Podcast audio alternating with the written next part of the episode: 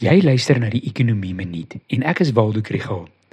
Daar was die afgelope naweek effens paniekerige verslagdoening oor die stand van die regering se finansies.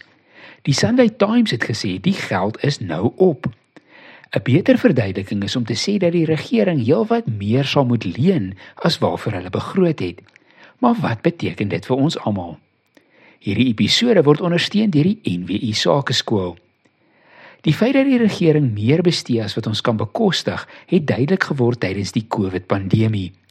Sedertdien is daar 'n proses van besnoeiing aan die gang, maar die tesourier was gelukkig om die laaste 2 jaar meer belastinginkomste te kry as waarvoor hulle begroot het. Nou dat die ekonomie nie groei nie en hulpbronne se pryse geval het, is die meevaller inkomste weg en besteding is te veel. Dus moet die regering meer leen. Dit skep ander probleme. Een vraagstuk is wie gaan hierdie bykomende staatsskuld koop?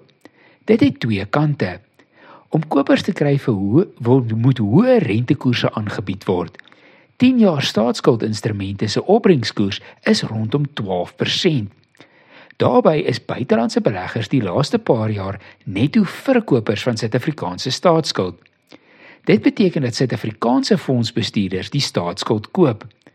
Dit verdring weer ander privaat leners wat skuld wou uitreik, maar nie sulke hoë rentekoerse kan bekostig nie.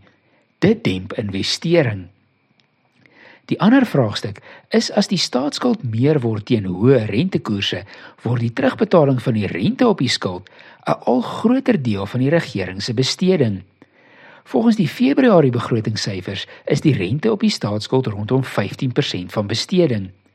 Besteding op personeel is 31% van die totaal en toelaag 19%. Die IMF sê dat die rente op die staatsskuld is nou nader aan 19% en dit kan teen 2028 styg tot 27% van besteding. Dit beteken dat in die volgende begroting moet die minister ander besteding sny of belasting verhoog.